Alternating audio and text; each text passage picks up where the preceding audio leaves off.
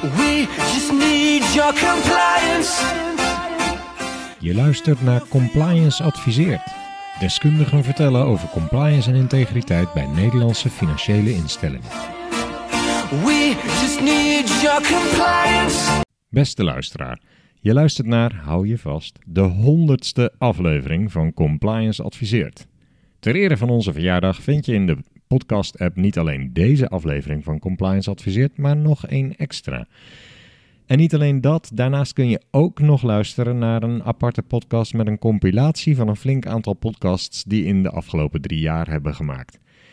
Onze dank gaat om te beginnen naar alle luisteraars van Compliance Adviseert. De groei in luistercijfers die wij hebben gezien zegt ons dat de podcast wordt gewaardeerd. Bijna 1800 volgers op LinkedIn hadden we vooraf nooit durven dromen.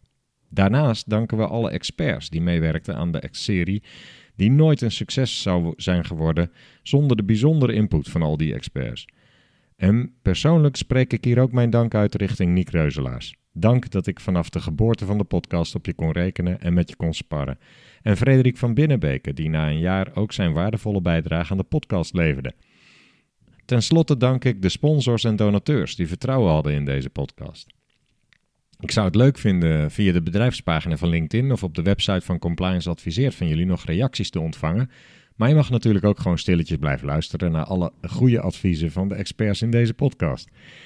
Tot zover deze feestelijke mededeling. Nu gaan we snel beginnen met die honderdste podcast van vandaag.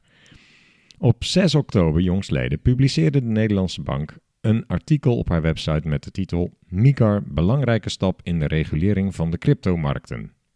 In deze podcast bespreken we dat met Willem-Jan Smits, advocaat en co-founder van advocatenkantoor Watson Law. We bespreken de MICAR. We hebben ook nog aandacht voor de travel rule. En we gaan aan het eind ook nog heel even de sancties kort bespreken die op Rusland zijn uh, uitgestort. Welkom Willem-Jan voor je inmiddels derde bijdrage aan onze podcast. Dat was hiervoor alleen met Mout Bukkerink al eens gebeurd. Dankjewel, Erik. En uh, allereerst van harte gefeliciteerd met, uh, met de honderdste aflevering. Dank je Een hele mijlpaal. Ja. Ik herinner me nog, we spraken er straks al even over dat ik de, bij de zevende aflevering hier was. Nu drie jaar verder. Uh, Ja. En hij is er nog steeds. Dus van harte gefeliciteerd en Ja. keep up the good work. Je zult nu de podcast ontdekken en al die honderd nog moeten gaan luisteren. Dan ben je wel even bezig. Echt. Leuke reacties op je eerdere podcasts gehad? Dat is al een tijdje geleden, maar uh, toen ter tijd uh, leuke reacties op, uh, op gehad inderdaad. Ja, Leuk. zeker. Leuk. Nou, de laatste keer dat je bij Compliance adviseerd was, is inderdaad alweer uh, bijna twee jaar geleden en betrof toen een vooruitblik op de MICAR. De tekst is nu definitief, begrijp ik? De tekst is nog niet helemaal Nee. definitief. Nee.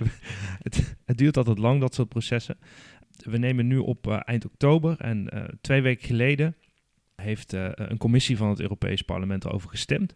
Het moet nu nog naar de, uh, de, de plenaire stemming. Daar moet er nog over gestemd worden. Dat is in principe een formaliteit, maar hij is dus nog niet definitief. Nou, hij is pas definitief als iedereen ermee akkoord is. En uh, wanneer treedt de MICAR dan naar verwachting in werking? Algemeen wordt aangenomen dat dat uh, aan het einde van dit jaar zal zijn, Q4. Dat gaat dan nog ineens wel heel snel. Ja, dan Ja. wordt hij... Uh, ja, Dus je moet het nu, als je je wil voorbereiden, doen met de tekst die nog niet definitief is. Ja, dat klopt. Is er eh, nog voldoende tijd voor eh, alle betrokkenen dan om die vereisten van de MICAR te implementeren? Komt- Zit er wel een overgangsregeling Ja, dat is in? een overgangsregeling. Ja, ja. Dus voor dienstverleners geldt er een overgangsperiode van 18 maanden. Mhm. eh, voor stablecoins van 12 maanden. En veel marktpartijen zijn er ook al mee bezig met de voorbereiding. Hm. Dus dat, dat zou op zich eh, ehm, moeten lukken. Ja, want het is even van belang voor de luisteraar ook eh, over jouw achtergrond. eh, de mensen die de eerdere podcasts nog moeten gaan luisteren. Wat weet jij precies van de MICAR en de cryptowereld? En Wat Nou, is jouw rol erin? Ik ben, ik ben advocaat eh, en in mijn praktijk sta ik eh, veel partijen bij die eh, diensten verlenen op, op de cryptomarkt. Dus dan hebben we het over exchanges, wallet providers, partijen die tokens uitgeven. En dat is ook echt jullie enige doelgroep qua markt? Dat is mijn, mijn doelgroep. Ja. dus ik ben met een team van, van acht man richten we ons daar fulltime op. Mhm. Maar daarnaast, eh, bij ons kantoor doen we ook eh, eh, insolventie en, eh, en herstructurering en eh, klassiek ondernemingsrecht. Oh. Dat is voor, voor de compliance mensen misschien wat, eh, wat minder interessant. Eh, dus ik zit hier in mijn rol als, eh, als teamleider van, eh, van, eh, van ons crypto team. Juist, vandaar. Oké. Wat gaat er veranderen met de invoering van de MICAR? Voor cryptopartijen gaat er heel veel veranderen. Op dit moment is eh, een belangrijk deel van de markt nog ongereguleerd. We hebben het er vorige keer over gehad. Er is, eh, er is eh, eh, een specifieke eh, regeling in, in de WWFT. Ehm, dat, dat is specifieke crypto-wetgeving, maar verder is er eigenlijk nog niets. En er is nog helemaal geen, geen, geen consumentenbescherming. Dus, Ja, nou in die, in die sector zeggen ze vaak, je hebt fiat crypto eh, transacties en je hebt crypto crypto transacties. mhm. Die eerste is in feite al wel door de WWFT in ieder geval geregeld, maar die MICAR ziet ook echt op crypto crypto transacties en die hele crypto wereld buiten het reguliere financiële systeem om. Begrijp ik dat goed? Of? Ja, dat, dat, dat klopt. Dus ehm MiCAR heeft eigenlijk vier pijlers. Het gaat informatieplichten geven aan partijen die crypto-assets gaan uitgeven. Eh, of- Ja, in, in de vorm van prospectussen. moet ja, ik een dan white denken. paper heet het dan. Dus White eigenlijk papers. een, een crypto-equivalent van, van de prospectusverordening inderdaad. Mhm. Daarnaast gaat het eh, stablecoins reguleren. Daar komt een verg- voor uitgevers komt een vergunningplicht.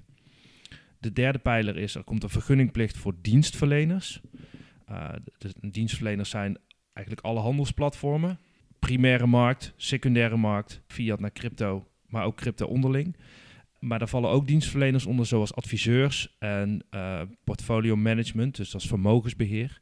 Dus dat is een hele ruime categorie. Eigenlijk vrijwel elke dienstverlener die iets doet met crypto zal een vergunning eh, nodig hebben onder MICAR. En dan de vierde pijler is voorkoming van marktmisbruik. Dus marktmanipulatie, handel met voorwetenschap, dat soort zaken. Oké, ja, dat zijn wel vier belangrijke pijlers die ook al grotendeels de scope eh, afkaderen Ja. eigenlijk tegelijk.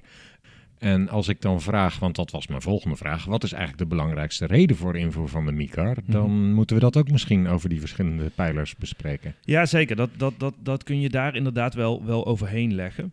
Een belangrijke reden is consumentenbescherming. Eh, dat, dat zit eigenlijk over de, over, de hele, eh, over, de, eh, over de hele linie. En dan voornamelijk in de zin van, ik, ga, ik wil beleggen in crypto, dan, dan word ik in bescherming genomen als consument. Precies. Dus voor, voor partijen die, die crypto, crypto assets uitgeven, die moeten meer transparant zijn, dus meer informatie verstrekken.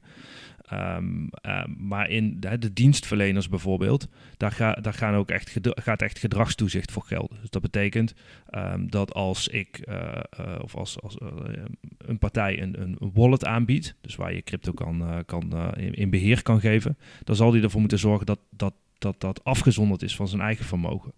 Ehm, dus dat is dat nu vaak nog niet het geval. Nee, want nu is er nog helemaal in die hele markt is nog geen gedragstoezicht. Het, dus het zit nu nog puur op, op eh, integriteitsrisico's, WWFT.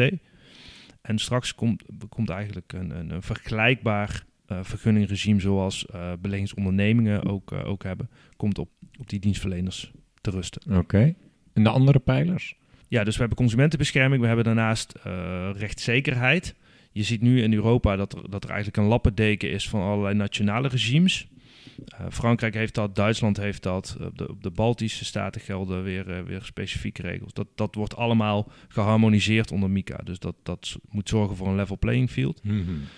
Daarnaast eh, is het nog ehm, het, het beschermen van de financiële markten, dus de integriteit van de financiële markten. Dat is vooral ook voor die stablecoin. Exact. Ja, en daar hebben we het de vorige keer ook heel uitgebreid over gehad. Hè. Dat, dat, ziet op, eh, dat is eigenlijk een respons op Facebook Meta. eh, Hmm. Die kwamen met Libra. Daar zijn ze alweer mee Daar gestopt. zijn ze alweer mee gestopt. Ja, maar er zijn Maar- wel weer andere stablecoins nu. Er zijn andere stablecoins die hebben nog niet die omvang. eh, in die zin, hè, er zit nog niet zo'n grote partij achter als, als bij Libra zou zijn. Dus, dus wat dat betreft is de impact daarvan wat kleiner. Maar dat is wel een belangrijke aanleiding ook voor het, het ontwerpen van, eh, van Mika. Waar wordt die stablecoin nou precies voor gebruikt en waarom is het nodig om dat te reguleren? De stablecoin ehm, wordt vooral gebruikt om betalingen te doen. eh, en om de fiat kant op eh, van, van, van handelsplatformen makkelijk te laten verlopen. Eh, zowel centrale als decentrale handelsplatformen. Begrijp ik dat, dat de handelsplatformen dan die stablecoins gebruiken, maar dat je als consument dat niet zo snel zou doen? Nou, als consument zou je dat, zou je dat ook doen om eh, de handel, als, je, als je handelt eh, in bijvoorbeeld bitcoin en je wil uit de markt stappen, dan, dan kan je dat makkelijk doen met, met stablecoins. Maar mm, wat maakt dat verschil dan? Want ik kan nu toch ook bij een crypto-wisselplatform gewoon rechtstreeks van bitcoin naar euro? Mhm. Ja, dat, eh, dat kan. Uh, maar als je het bijvoorbeeld van het ene platform naar het andere uh, wil versturen, of je wil het, het, uh, je, je wil het um, versturen naar iemand anders, dan, dan is dat in de, in de crypto-markt makkelijker met een stablecoin dan met fiat. Mm Oké. Okay. Nou, daar zijn ze dan voor. En wat is het risico met die stablecoins dan? Waarom zijn die nu ook gereguleerd? Of worden die gereguleerd? Nou, het, het stablecoins zou je kunnen zien als een, als een vorm van, van elektronisch geld. Als die stablecoins heel groot zouden zijn, dan onttrekt dat de mogelijkheid van, van centrale banken om, uh, om het grip op het geld, uh, monetaire beleid te verliezen. Hè? Als, dat, als dat bij um, commerciële partijen komt te liggen, dan, dan verkleint dat de, de, de grip van, uh, van, van de centrale banken op, uh, op, op het geld. Uh, ja. Dan zou je een soort commercieel of een soort particulier geld krijgen. En, en, en dat, dat vermindert hun ja, ja. mogelijkheden en hun, hun instrumenten die ze daartoe hebben. En we hebben de afgelopen nou, jaren gezien dat, dat daar door centrale banken heel veel gebruik van wordt gemaakt om, om de financiële markten stabiel te houden. Mm -hmm. Dus dat, dat is een belangrijke aanleiding. Om, om dat te doen. En um, door zo'n vergunningregime uh, houden de overheden daar, uh, daar grip op. En is het dan ook de bedoeling dat die makers van die stablecoins uh, beleid van centrale banken moeten gaan volgen ook? Nou, wat, wat, wat, er zitten belangrijke vergunningvoorschriften in. Uh, dus, dus bijvoorbeeld dat er geen rente opgegeven mag worden, dat er volledige dekking moet zijn. Uh, dat, dat, dat maakt, aan de ene kant heeft dat natuurlijk consumentenbescherming, maar aan de andere kant maakt dat ook dat het, dat het niet kan gaan con concurreren met, uh, uh, met overheidsgeld. Ja, ja. En, en, dat de centrale banken en de overheden gewoon hun, hun instrumenten behouden die ze hebben. Heeft dat tot gevolg dat een stablecoin daarmee ook een minder sterke munt wordt dan de cryptowereld eigenlijk bedoeld had? vind ik lastig om te beantwoorden. Ja. Als je er heel praktisch naar kijkt, dan, dan is het vooral gewoon van het grootste belang dat, dat zo'n munt een, uh, een stabiele waarde behoudt ten opzichte van, uh, van, van, ja, ja, van, dat die niet uh, van de euro omvalt. of de dollar. Ja. Uh, ja. Want we hebben gevallen gezien waarbij die stablecoin die helemaal niet die waarde achter de hand had. Dus als er een run op die munt zou komen, dan kon die helemaal niet uitgekeerd worden. Ja.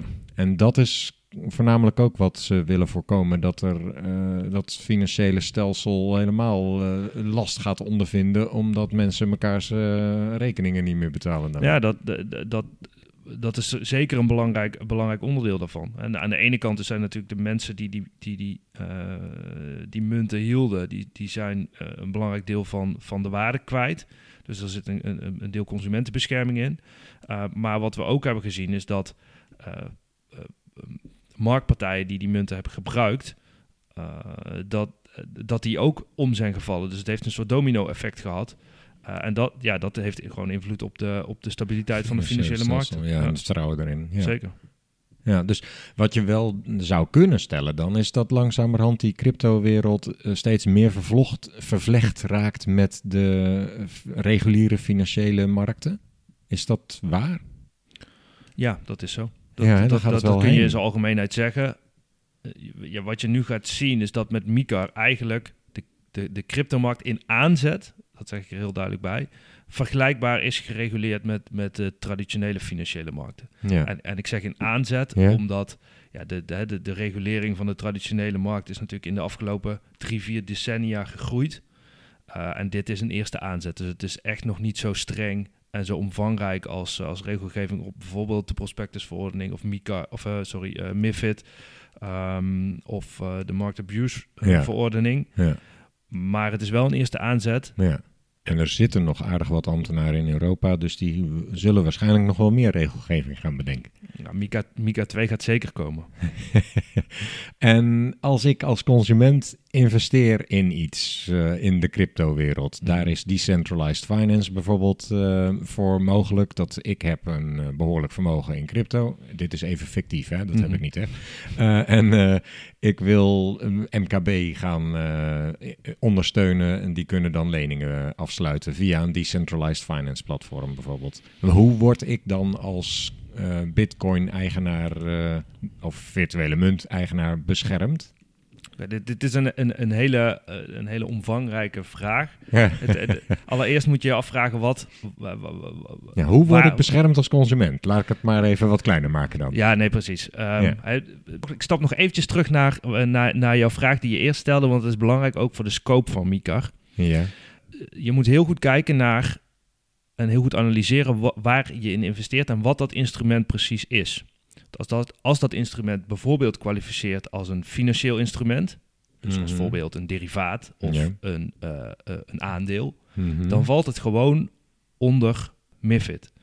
Dus dan Hmm. heeft een handelsplatform die in die, dat soort instrumenten eh, handel daarin faciliteert, gewoon een vergunning als beleggingsonderneming nodig. Mhm. Ongeacht dat het ook iets met blockchain te maken heeft. Of eh, dat het een crypt, eh, eh, technisch gezien een crypto is. financiële instrumenten, gewoon de normale Precies, traditionele sc- out of scope inderdaad. Dus, dus we hebben het bij, bij, bij Mika altijd over crypto assets die niet kwalificeren als iets wat al geregeld is. Waar moet ik dan aan denken?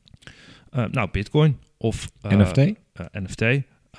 of een, een, een token die is uitgegeven op, op het Ethereum-platform. Ja, dus als, alleen al op het moment dat ik dus eh, bitcoin op mijn wallet zet, dan is eigenlijk al die consumentenbescherming van toepassing, begrijp ik. Want dat is geen financieel instrument.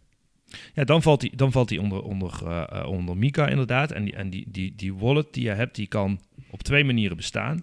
En je kan, je kan een, een eigen decentrale wallet hebben, waar je zelf het beheer hebt over het keypair van, van die bitcoin. Ja.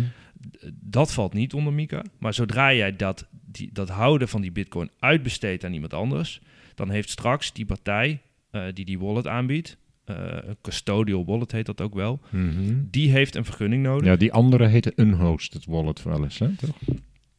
In de, in de, in de, we hebben een heleboel eh, verschillende namen daarvoor in de, in de, de. Maar in- onder, waar we het straks over gaan hebben, heet het inderdaad een unhosted wallet. Ja.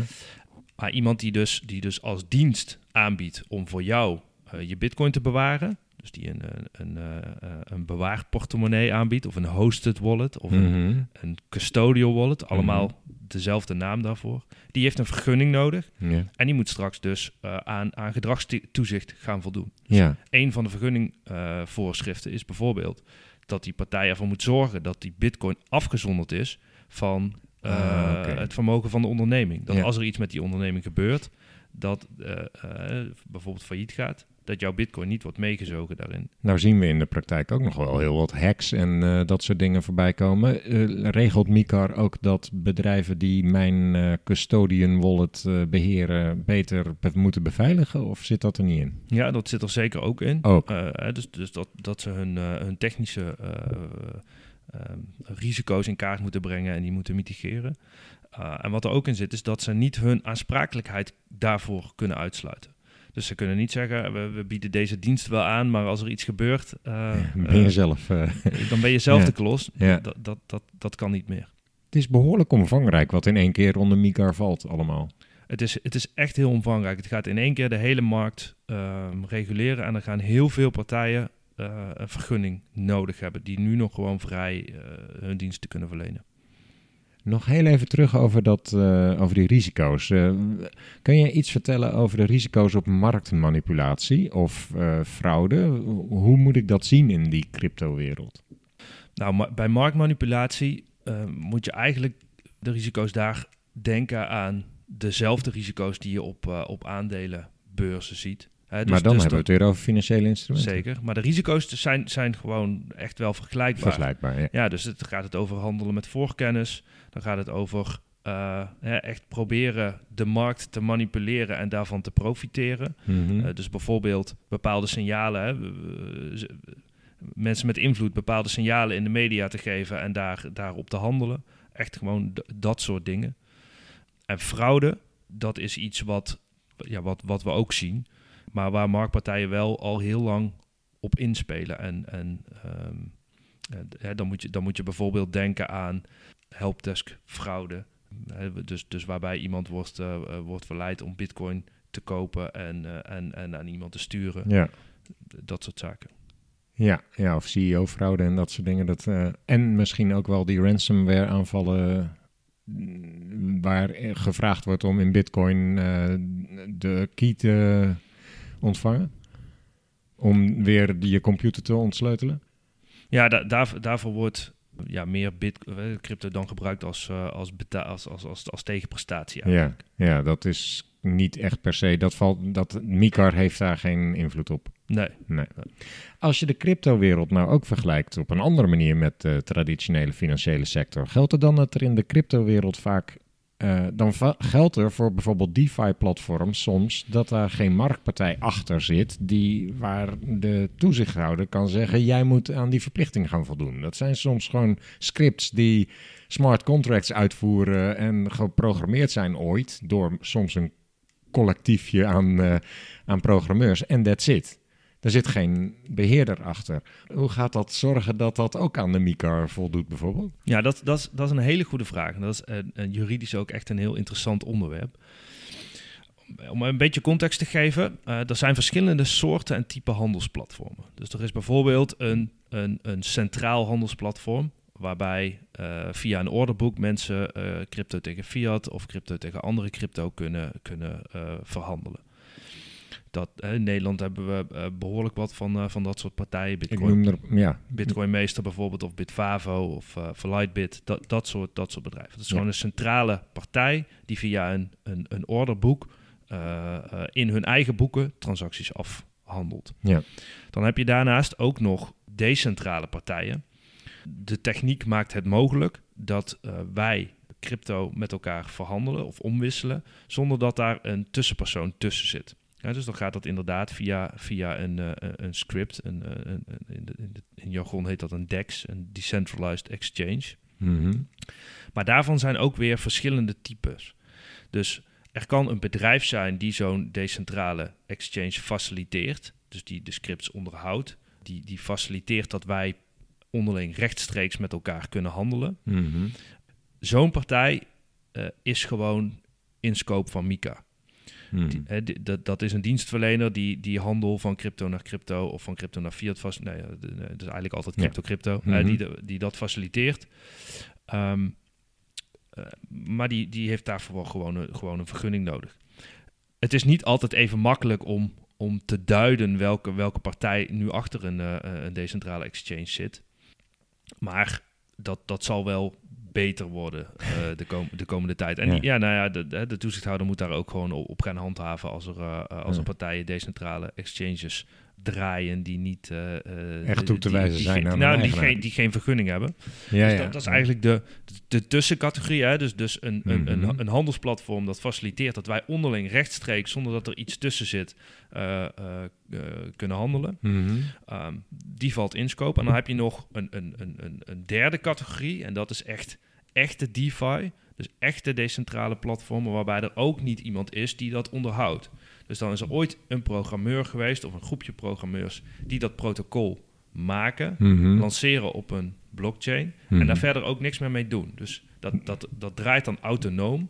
En, eh, Als je daar gebruik van maakt, ben je aan de goden overgeleverd. Dan is er geen eh, zorgplicht en zo. dan is er geen zorgplicht, maar dan, dan is daar ook geen vergunning voor nodig. Nee, maar ik zou me nog kunnen voorstellen dat in de MICAR ook ergens staat... eh, de hosting provider waar dat script draait op een of andere server... die gaan we eens eh, benaderen of zo. Dat is een, een technische, eh, vooral een technische vraag. Er is dan ook niet een, een echte hosting provider waar dat, dat draait. Die- Ook, ook dat gaat decentraal. Precies, dat is Ja. gedistribueerd over een heel computernetwerk over de wereld. Ja.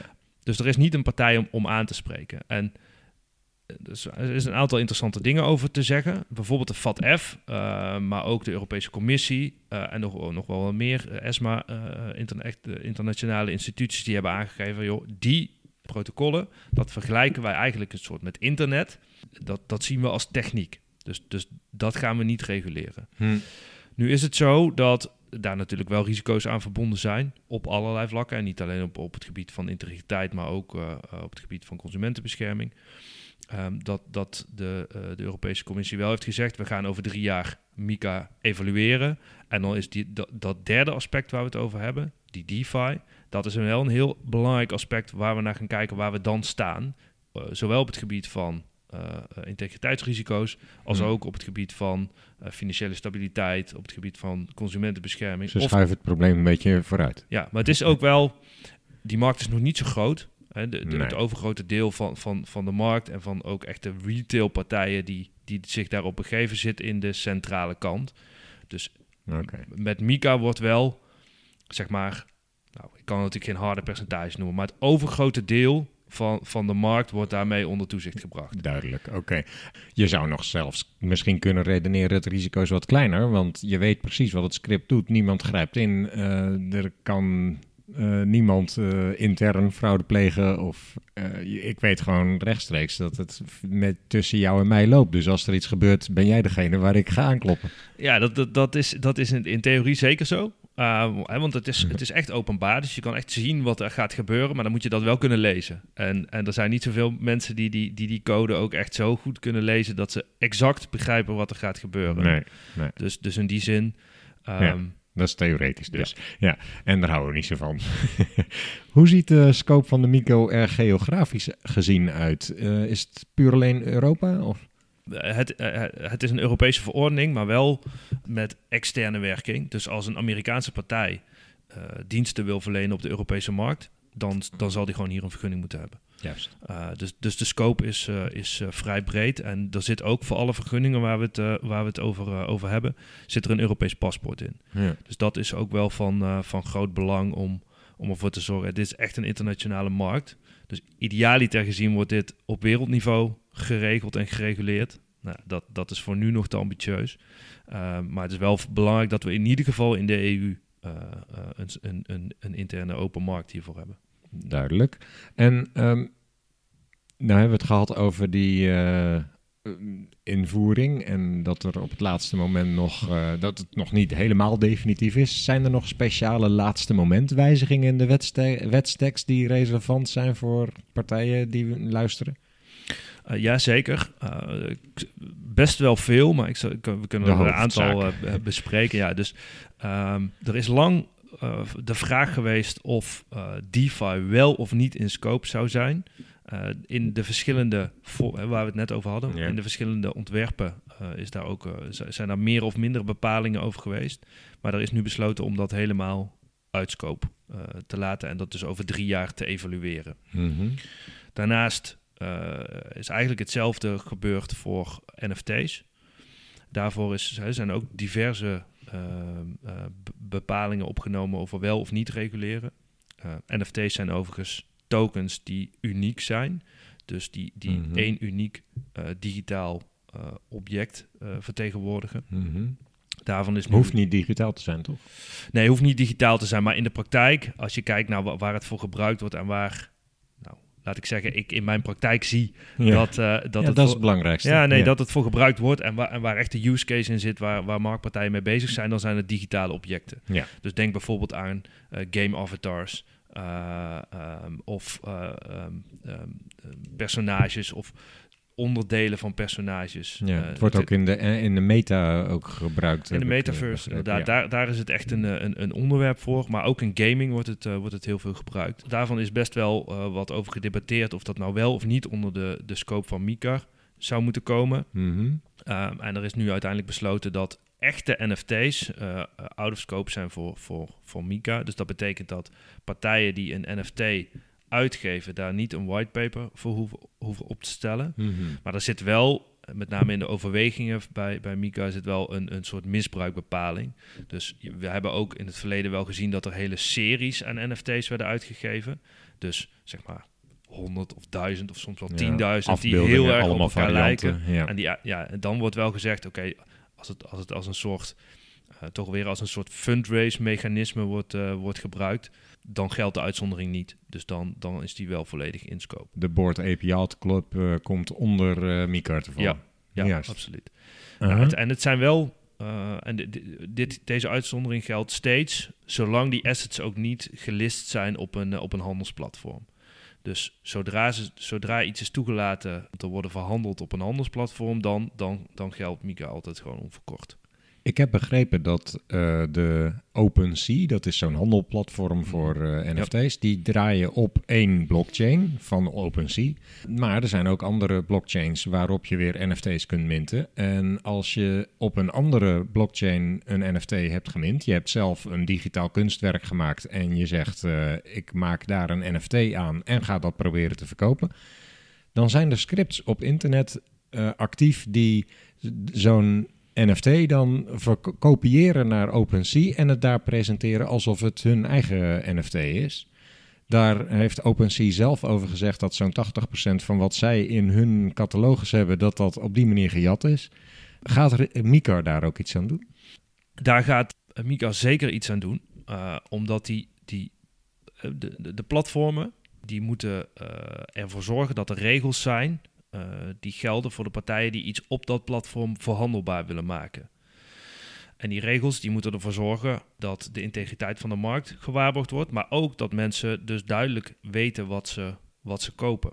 En, Mhm. en zo'n handelsplatform zal er dus onderzoek naar moeten doen eh, of er sprake is van, van iets wat legitiem eh, daar wordt aangeboden. Mhm. Ehm, of, dat het, of dat het iets is dat, hè, wat je om, omschrijft eigenlijk van internet gescraped is en, Ja. eh, eh, en, en gekopieerd. ja. Dan, dan, Dat lijkt me voor OpenSea nog een redelijke uitdaging om te bepalen is die NFT wat, eh, of dat digitaal object nou echt van die persoon die zegt dat die is, maar dat gaat gebeuren. ja, ja dat, Heel moet goed. dat moet juridisch natuurlijk nog wel, wel uitkristalliseren, want er daar zit een, een hele juri- interessante juridische vraag in. Ehm, eh, met name ten aanzien van, van IE-rechten. Eh, of degene die die NFT houdt rechthebbend is of niet. Nou, het voert een beetje te ver voor deze podcast om daar heel erg diep in te duiken.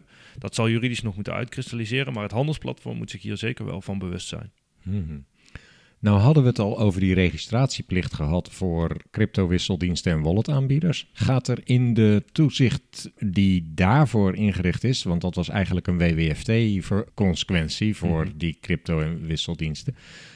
Gaat er voor hun ook nog iets veranderen? Moeten zij nu naar een ander type vergunning? Of komt er iets bij voor ze wat eh, nog niet gereguleerd was? Dat is een hele goede vraag. Ja, er gaat heel veel veranderen. Onder, onder de, eh, de AML-richtlijn was er voor twee typen crypto-aanbieders, een, of is er voor twee typen crypto-aanbieders, twee specifieke diensten, is er een registratieplicht. Dat is de eh, crypto fiat wisseldienst en Ja. de bewaarportemonnee. Ja. Dus hè, de, de, de, de crypto fiat exchange en, eh, en de custodial wallet. Die moeten zich registreren in Nederland bij DNB. En als ze eh, in Europa actief willen zijn, in elke EU-lidstaat waar ze actief willen zijn. Mhm. Onder MICA eh, worden die twee diensten uitgebreid naar twaalf diensten. Dus twaalf type dienstverleners zullen onder MICA een vergunning moeten hebben. Ja, maar daar vallen ook En die, daar vallen die twee, twee ook, ook onder. onder, ja. Ja. Het zou logisch zijn, en het is ook mijn, mijn eh, idee dat, dat de wetgever dat wil, dat, dat MICA eigenlijk in plaats komt van die registratieplicht. Eh, want MICA is een, is een vergunning. Daar staat ook gewoon in dat als jij die vergunning wil halen, je zult moeten voldoen aan de, eh, de AML-regelgeving. Oké. Net zoals dat voor, voor banken ook is, net zoals dat voor beleggingsondernemingen ook is. Ja, Als jij een vergunning aanvraagt als beleggingsonderneming, zul je aan de AFM moeten aantonen dat je voldoet aan de WWFT. vol, vanzelfsprekend. Uiteraard. eigenlijk. Ja. Nou, dat geldt straks voor Mika ook. Dus je moet, eh, de, WWFT wordt van toepassing. Eh, je zult aan de AFM moeten aantonen dat je daar, eh, da- daaraan voldoet. Ja. Alleen het gekke is, en, en daar, zit wel, daar zit nog wel een, een, een vuiltje in, in de regelgeving die eraan komt. Er staat nog niet op de agenda om de registratieplicht in de, in, uit de WWFT voor die twee specifieke wisseldiensten eruit te halen. En dat heeft een wat juridisch-technische achtergrond. Ehm, de, de, eh, de registratieplicht komt voor, voort uit de eh, AML-richtlijn. Mhm. Eh, die zal worden aangepast op termijn als onderdeel van het EML-package. ja. Het EML-package heeft vier pijlers: de nieuwe AML-autoriteit, de, AML, de nieuwe AML-richtlijn. er komt een AML-verordening eh, en eh, de aangepaste Transfer of Funds Regulation. Wil je daar meer over weten? De podcast met Pierre Simon is een eh, aanrader. Ja.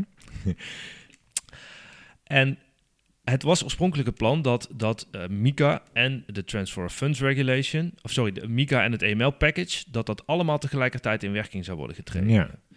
maar om politieke redenen uh, uh, wilde, ze, of wilde de wetgever al voor de zomer, dus voor 1 juli van afgelopen jaar, zowel MICAR als Transfer Funds Regulation. Waar we straks nog op komen. Ja, een politieke deal over hebben. Mhm. Dus de Transfer Funds Regulation is uit het AML-package gehaald.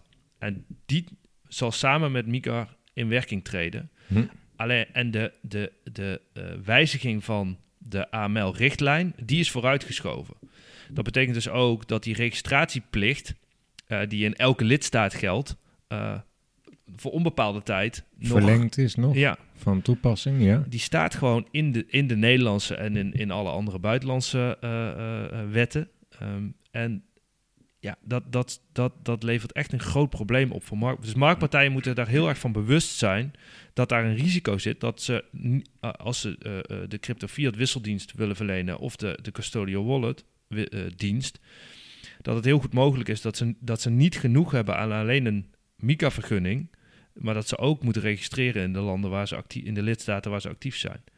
Eh, dat in mijn optiek kan dat niet de bedoeling zijn. En eh, ik heb behoorlijk wat mensen gesproken die. Je je zou denken met Migar ben je in één keer klaar. Want Ja. dan heb je, ja. Want je moet, hè, dat, is, dat is gewoon een vergunning vereiste van, van MiCA dat je voldoet aan de, aan de WWFT.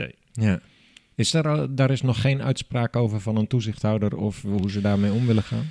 Het staat nog in ieder geval niet op de radar. Eh, ik heb mensen gesproken van het Europees Parlement die zeggen eh, dat het opgelost wordt. Alleen er, is nog, er staat nog nergens iets op papier en ze hebben ook nog niet op kunnen wijzen op welke manier het dan opgelost wordt.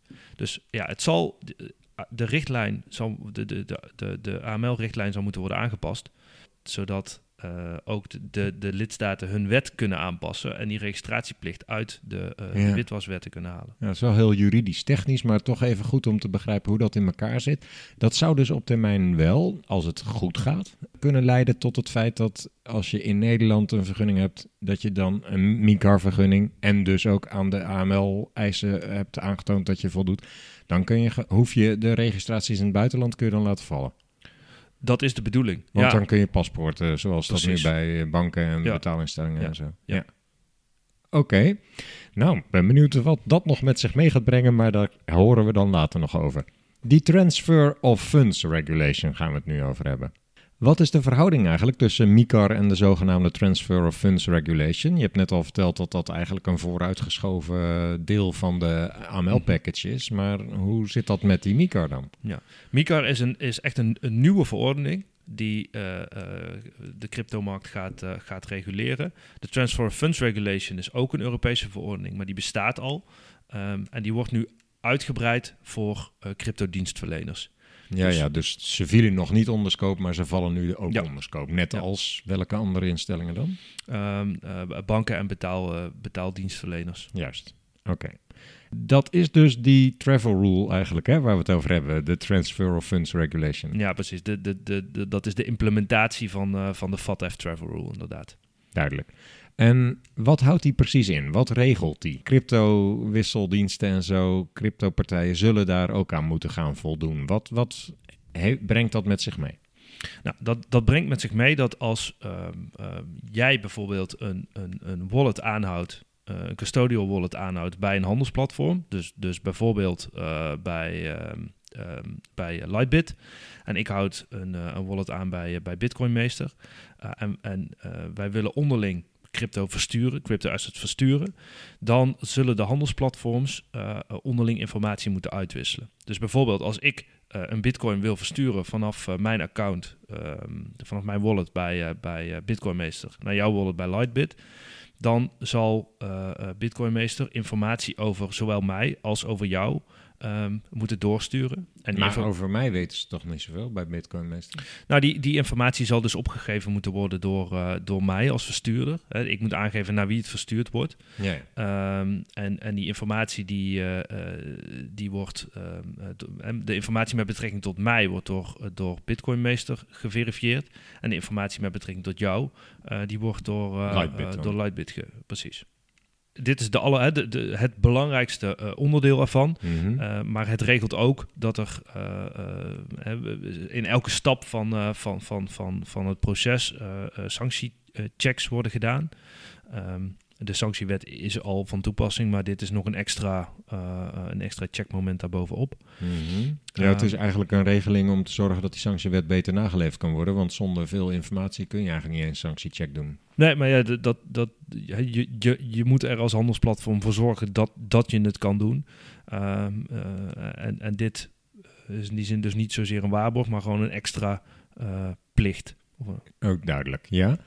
En dan hoe dat dan moet plaatsvinden, ja, daar, daar heeft de Europese wetgever zich niet over, eh, over uitgelaten of over, gebo over gebogen.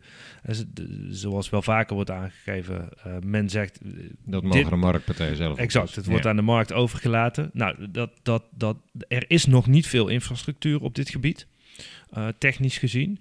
Er zijn wel partijen die ermee bezig zijn. Mm, mogelijk een soort SWIFT voor crypto ehm, eh, transacties. Mhm, mhm.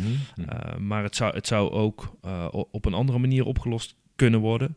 Wat, wat in ieder geval niet kan, is dat de, deze informatie in de transactie, in de meeste gevallen niet kan, is deze informatie in de transacties meesturen. Dat zou betekenen dat die op de blockchain wordt opgeslagen ook. Uh, en dat die daar voor altijd en ook publiek um, uh, beschikbaar is. En, Mhm. en, en dat is niet compliant met, um, met, met de privacy-wetgeving. dat is ook expliciet bij, uh, bij, uh, in de overwegingen staat dat, staat dat opgenomen. Wanneer zou die travel rule in moeten gaan voor cryptobedrijven? Uh, ver, vergelijkbaar met, uh, met Mika. Met Mika, oké. Okay. Ja. Um, en wat merk jij in je praktijk dan? Worstelen partijen daarmee? Die worstelen daarmee zeker. Ik, ik zie eigenlijk drie dingen. De eerste is dat er initiatieven ontstaan om, om dit te gaan faciliteren. Dus, dus dienstverleners die zich specifiek op het, op, op, op het faciliteren van, van, van deze informatiedoorgifte gaan richten. En daar, uh, daar um, uh, uh, protocollen en, en dienstverlening voor maken. Mm-hmm.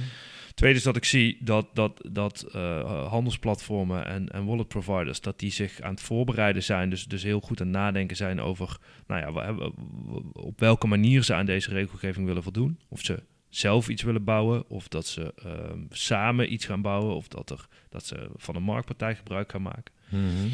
Um, en, en het derde is... Ik, dat er zijn ook partijen... en dat, dat we, we kunnen wel naar Zwitserland kijken... want de, die hebben de travel rule voor crypto al in gevoerd. Uh, dus dus als we willen weten hoe het, hoe het gaat zijn, dan kun, kunnen we in ieder geval vast naar Zwitserland kijken. En wat je daar ziet is dat in eerste instantie zowel handelsplatformen als wallet providers zich hebben afgesloten. Dus um, het niet meer hebben toegestaan dat um, klanten uh, hun assets naar derden sturen. Dus alleen maar in en uit naar zichzelf en niet meer naar derden, omdat er nou ja, te veel technische uh, en operationele problemen waren om dat nog te faciliteren. Maar dat zou een enorme klap voor de cryptowereld zijn, lijkt mij. Um, ja, dat, dat, dat zou niet. Uh, dat, dat is in die zin niet, niet goed, inderdaad. Dus als ik dan vanuit Lightbit naar jou bij Bitcoin Meester iets zou willen overmaken, moet ik het eigenlijk eerst omzetten in gewoon euro's. Ik betaal je gewoon in euro's en dan zet jij het weer terug op jouw crypto uh, wallet of zo. Is dat het? Is, doen ze het daar zo? De, uh, het kan op die manier. Uh, of via non-custodial wallets. Die vallen, die vallen Ja. bu buiten scope. Ja. Ja. Maar dan los je eigenlijk geen probleem. Nou ja, laten we het dan eerst hebben over wat is eigenlijk de bedoeling van die travel rule? De bedoeling van de travel rule is om uh, meer transparantie en traceerbaarheid te krijgen in cryptotransacties. De, die plaatsvinden tussen Oké, okay, transparantie, prachtig. Maar daar zit toch ook denk ik wel weer een doel achter. Want alleen transparantie zal het doel niet zijn. Nou ja, dat, dat, de, de, de, het grotere doel is het, het voorkomen van, in, het voorkomen van uh, uh, en beter opsporen van, in, van, van, van uh, um, ja, financieel-economische criminaliteit. Exact, ja. exact ja. ja. Welke gegevens moeten er precies uitgewisseld worden dan?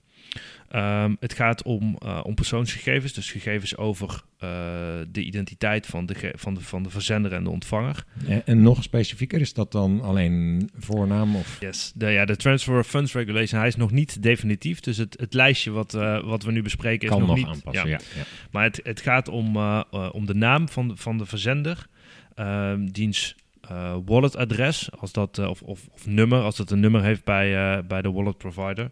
Mm -hmm. En daarnaast om zijn adres, land van herkomst, paspoortnummer en geboorteplaats en geboortedatum.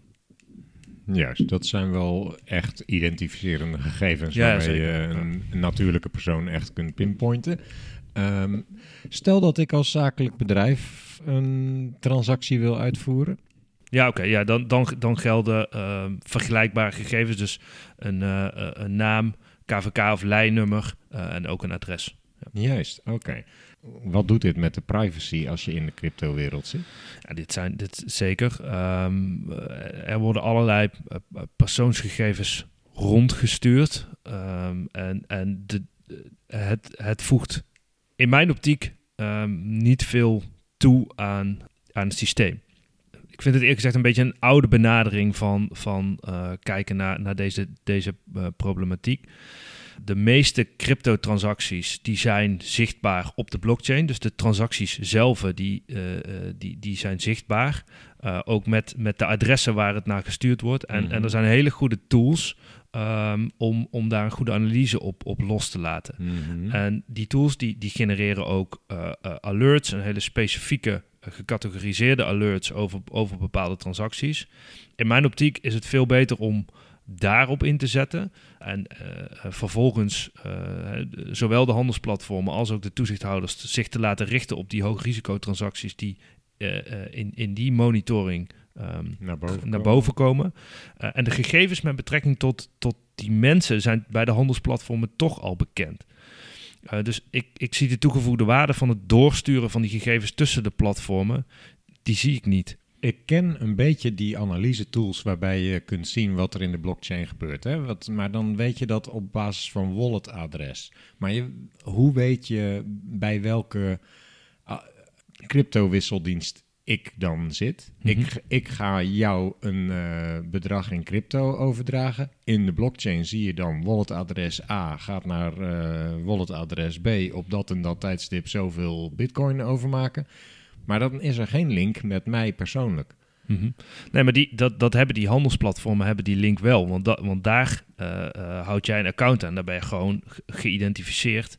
Ehm, en, die, en die identiteit is Ja. ook geverifieerd. Dus die, die, die- dat, dat is bekend. Beogen ze met die travel rule dan om zonder die handelsplatformen toch jouw wallet aan jouw natuurlijke persoon te kunnen koppelen of zo? Eh, dat, dat weet ik niet. Ehm dat is nog goed om te vermelden is dat, dat eh, non-custodial wallets, eh, in terminologie van de, van de Transfer of Funds Regulation, unhosted wallets, transacties van unhosted naar unhosted wallet, die zijn out of scope. Ehm, Dus er blijft nog steeds heel veel niet transparant. Ja. Als je wil in ieder geval. ja, dus als, eh, die gaan buiten platformen om en daar, daarvoor geldt, eh, geldt deze, deze regelgeving niet.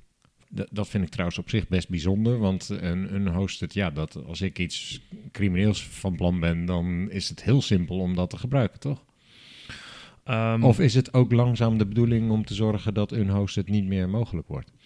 Nou, daar, daar is wel over gedebatteerd. ehm, maar da- dat is A, niet iets wat, eh, wat Europa alleen kan regelen. Nee. Dat zou ook de, de innovatie op dit gebied erg, erg in de weg staan. Mhm. Eh, en eigenlijk de facto een, eh, een, een, een verbod op bitcoin betekenen. Dus die transparantie zal in ieder geval niet enorm toenemen, lijkt het. Ik zie de, de toegevoegde waarde van, van, van, eh, van dit systeem zie ik, eh, zie ik niet in. Die gegevens worden ook niet in de blockchain opgenomen. Die worden alleen onderling tussen de verschillende cryptowisseldiensten uitgewisseld, Ja. begrijp ik. Ja, ja. dat klopt. Ja, dus je kan er nog steeds niet bij als je als, je als opsporer zou willen weten... ik heb hier een blockchain-analyseprogramma... ik wil weten wie die transactie heeft... moet je je nog steeds gewoon melden bij diezelfde Ja, cryptowisselplatformen. zeker. zeker. En crypto-wisselplatformen buiten Europa... die hebben hier niks mee te maken? Ehm, de, de, de, de geografische scope is hetzelfde als Mika. Ja, Uh, dus dat betekent als zij, als, en, en dit, zal, ja, dit is ook onderdeel van, van, van uh, uh, het is een vergunningvoorwaarde dat je hieraan voldoet.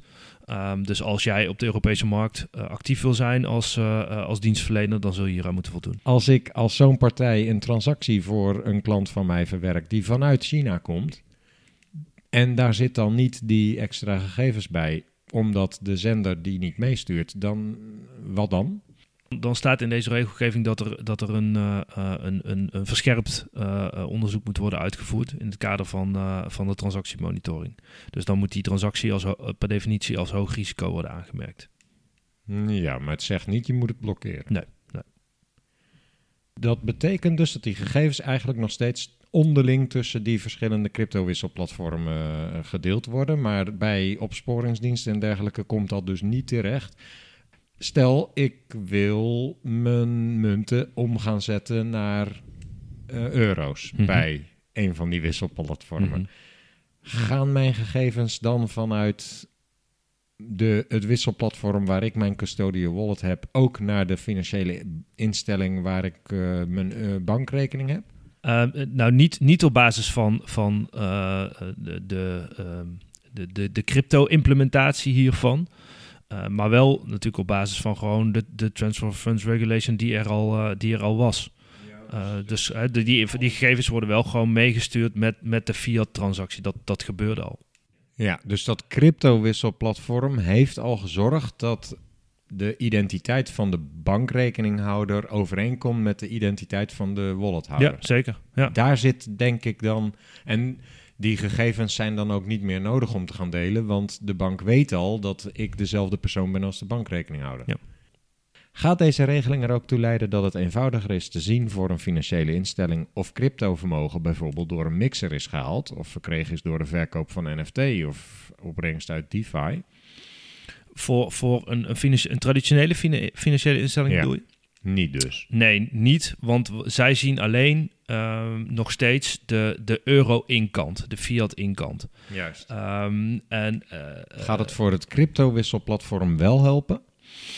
eh, ik denk het niet, eh, want, want om dat eh, te kunnen monitoren eh, is, is vooral van belang wat er op de blockchain gebeurt. Eh, dus dus zij, zij kunnen eh, meerdere stappen terug ehm, op basis van, van die analyse tools zien waar eh, wat de herkomst is van die, of de, de historie is van, van die crypto assets. Ja. En wat, en wat voor type transacties daarvoor hebben plaatsgevonden. Ehm, Dat voegt eigenlijk niks toe. nee, en het, en het, het, het, het, het, het, het meezenden van, van persoonsgegevens tussen dienstverleners voegt daar niets aan toe. Als ik jouw geld overmaak, zei je eerder, cryptovaluta, dan moet ik ook opgeven aan wie ik het overmaak. Welke gegevens moet ik dan van jou opgeven bij mijn cryptowisselplatform om die transactie te laten uitvoeren? Dat zijn eh, eh, de, de naam en eh, het walletadres. Niet meer dan dat. Verwacht je dat de regulering die we zojuist helemaal hebben besproken, niet alleen die travel rule, maar met name de MICAR, dat traditionele financiële instellingen meer diensten zullen gaan aanbieden die crypto gerelateerd zijn? En Mika gaat ervoor zorgen, eh, wat ik al aangaf, dat, dat de hele markt onder toezicht komt te staan. Of, nou, wat we net concludeerden, eh, het overgrote deel van, van de markt. Dat betekent dat, dat de cryptomarkt een gereguleerde eh, markt wordt en dat, het voor, eh, dat de risico's die daaraan verbonden zijn om daarop actief te zijn voor financiële instellingen, traditionele financiële instellingen, ook lager zullen zijn. Ehm, dus ik verwacht ook dat, eh, dat op termijn fin- de, de traditionele financiële instellingen dat, dat steeds meer zullen gaan doen. En ik zie dat ook in mijn praktijk, dat daar al veel op georiënteerd wordt en dat er echt vooruit gekeken wordt naar de situatie na MICA. Verwacht je ook dat crypto-dienstverleners makkelijker een bankrekening zullen kunnen openen straks? Dat, dat, dat is al, al, al een hele tijd een, een heet hangijzer. De, ehm, er zullen veel meer partijen zijn die straks een vergunning hebben. Ehm, eh, en, eh, en dat zal eh, de risico's die verbonden zijn aan die partijen doen afnemen voor banken. En dus ik verwacht ook dat het makkelijker zal zijn om, om voor die partijen om een bankrekening te krijgen. Ehm, er zijn nu natuurlijk al best wel wat, wat partijen die een registratie hebben bij, bij DNB. Ehm, die eh, wij ondervinden in de praktijk toch nog eh, eh, moeite om zo'n om zo'n bankrekening te openen. Ehm, maar maar dat, dat, daar zijn gesprekken ook gaande tussen, tussen de banken en DNB als toezichthouder en, en de marktpartijen. ehm, om de-risking eh, eh, te voorkomen. Ja. En, en ook ervoor te zorgen dat, dat zij gewoon op een normale manier een bankrekening kunnen krijgen. Kun je Dat- onze luisteraars adviseren? Welke bank zouden ze moeten hebben als je een crypto-wisselplatform bent of zo? Bij welke bank moet je dan aankloppen? Nee, dat, dat kan ik zo Nee. niet in zijn algemeenheid niet, eh, niet Ik zo kan me zeggen. voorstellen dat luisteraars dat zouden leuk vinden om even te weten. Waar, dan hoeven ze niet zo lang te zoeken. Ehm, op 6 oktober nam de EU het nieuwste pakket sancties tegen Rusland aan. wegens de illegale annexatie van de Oekraïnse regio Donetsk, Luhansk, Zaporizhia en Gerson. Wat hielden die, die sancties precies in? Het was een heel pakket sancties, maar voor, voor de cryptomarkt hield het in dat crypto-dienstverleners eh, niet langer custodial wallets mogen eh, eh, geven aan eh, Russen, dus mensen met een Russische nationaliteit of mensen die woonachtig zijn in Rusland. De dienstverleners die, eh, eh, die zo'n zo'n wallet aanbieden, die zijn eh, registratieplictig onder de WWFT. Dus die, die moeten voor deze dienst eh, iedereen eh, eh, aan cliëntonderzoek onderwerpen en dus ook identiteit vaststellen eh, en verifiëren. Dus die kunnen daaraan voldoen, ja. Dus ze moeten zowel aan de poort zorgen dat iedereen met een Russisch paspoort eh, er niet in komt. En ze moeten hun eigen bestand nog ook even checken. eh, zitten de Russen tussen die je kruid moet gooien? Ja. En waar zit het grootste risico op omzeiling van deze sancties volgens jou? Het formele risico, noem ik het even, eh, zit in mijn optiek in, in, in, in, stroom, in de stroomman. Dus, dus de, de situatie waarbij er dienstverleners zijn die die, eh, eh, die, die wallets aanbieden. Ehm, eh, die, ja, die worden geconfronteerd met, eh, eh, m- met mensen die, die zich lenen voor identiteitsfraude. Dus die hun, hun identiteit lenen aan, aan iemand die onder deze sanctie valt. Ook money mules en dergelijke. Ja, exact. Ja. Ja. ja. Dat is het grootste risico. Ja. Zijn er extra stappen die ze dan verplicht zouden moeten uitvoeren om te checken, zit er niet iemand achter die werkelijk de eigenaar is van deze wallet? Ja, ehm, dat, dat, daar zitten zeker stappen onder. we hebben in Nederland gewoon de sanctiewet. Dus dat betekent dat je, dat je eh, ehm, eh, geen, geen, geen financiële diensten mag verlenen aan gesanctioneerde personen. Als eh, die wallet feitelijk gebruikt zou worden door een gesanctioneerde, dan, dan, dan mag dat niet. En als er ehm, risico gebaseerd, een verhoogd risico is dat, dat, er, dat hier sprake van is, van, van iemand die, die, zich- die zich leent voor identiteitsfraude, dan zullen ze moeten vaststellen dat, dat, dat die persoon ook daadwerkelijk degene is die, eh, eh, die, die de wallet gebruikt. En hoe? Eh, ja, dat, dat, daar zijn. In de praktijk lijkt me lastig. Ehm, ja, er- zijn eh, eh, diverse eh, maatregelen denkbaar. Dus het is, het is denkbaar eh, dat de achterliggende eh, non-custodial wallet wordt, ook wordt geverifieerd. Dus dat je vaststelt dat, dat de crypto-inkant eh, ook daadwerkelijk van, eh, van die persoon afkomstig is. Ehm, je kan eh, de crypto-inkant eh, screenen tegen, tegen de OVAC-lijsten. OVAC heeft een hele lijst met, eh, met wallets die geassocieerd zijn met, eh, Oh, ja. met, eh, eh, gesanctioneerden. Ook hier weer eh, analyse-tools. Hè, als, als de inkant ehm, ehm, eh, via een, een, een, een mixer komt, eh, of als de inkant ehm, eh, geassocieerd is met, met andere wallets die in het netwerk zitten van, van, van, van bekende Russische partijen, dan, dan kan dat allemaal aanleiding zijn om, om geen diensten aan die partij te verlenen. Mhm. Oké, duidelijk. Dank voor die toelichting ook. En tot slot. Nou, eigenlijk wil ik nog twee vragen stellen. De toekomst. Zie jij nog andere wijzigingen die we nog niet hebben besproken voor de crypto-wereld? Ehm, nou, we, we hinten er al een klein beetje op. Eh, het- het- MICAR is een heel groot pakket aan, eh, aan maatregelen, eh, met name voor de dienstverleners, eh, eh, vergunningplichten. Ehm, maar als je het vergelijkt met, met de regelgeving is die er is op de traditionele financiële markt, is het nog niet zo uitgebreid en nog niet zo gedetailleerd als het daar wel is. Ik verwacht ehm, eh, binnen eh, nou, vijf, eh, nou, zeg maar een orde van grote vijf jaar eh, nadat Mico in, eh, in werking is getreden, dat er een eh, eh, zicht zal zijn op een tweede versie daarvan, die omvangrijker zal zijn. Mhm. Eh, en ook eh, nog beter inspeelt op, eh, op de dan weer gewijzigde markten en ook eh, zich zal richten op DeFi. Je advies is, eh, lees je vast in op in de MIFID. nou ja, die, die regelgeving lijkt best wel veel op elkaar qua Ja. structuur en qua ehm, ehm, eh, vergunningvoorwaarden die erin zitten. Ja. Mhm. Hm. En tot slot, aanhakend op de titel van deze podcast, en omdat dit de honderdste is, graag een heel goed advies voor onze luisteraars. Nou, het advies voor de luisteraar eh, eh, is: eh, heb je te maken met, met, met een cryptopartij? eh, zorg ervoor dat je, dat je goed checkt ehm, of die straks een vergunning heeft. Het is een goede analyse van, eh, van, van het bedrijfsmodel. Uh, en je, je kan er uh, uh, inmiddels van uitgaan dat, dat het merendeel van, of eigenlijk het overgrote deel van de partijen die actief zijn als dienstverlener op de cryptomarkt, dat die een vergunning moeten hebben. Dus het, het, het, het laat misschien nog eventjes wachten tot, tot de, 100, de 120ste uitzending. Maar dan hebben, we, dan hebben we een mooi Europees register. En, en alle partijen die in Europa zich, zich richten op, op crypto, die staan in dat register. En als ze er niet in staan, ja, dan, dan, dan is er echt nader onderzoek vereist. En als ze er wel in staan, ja, dan hebben ze een vergunning van, van dezelfde toezichthouder of een vergelijkbare toezichthouder als, als de financiële instelling zelf. Dus dan uiteraard blijft um, de onderzoeksplicht er nog steeds.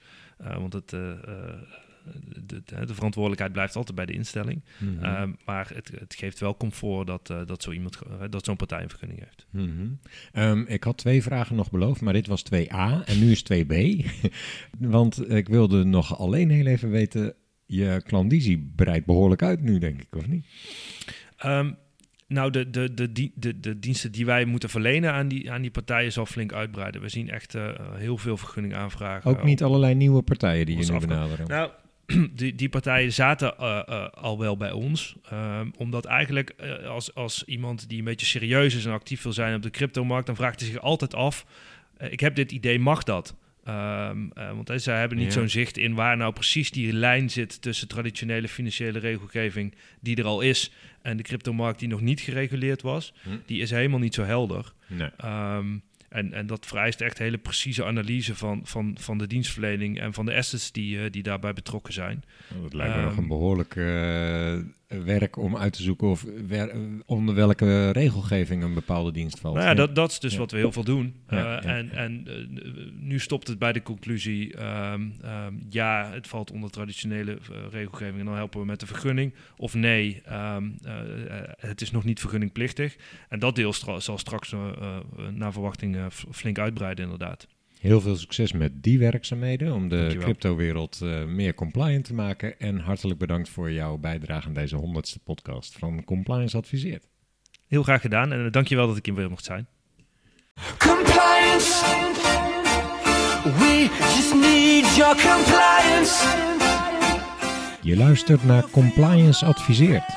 Deskundigen vertellen over compliance en integriteit bij Nederlandse financiële instellingen. We just need your compliance.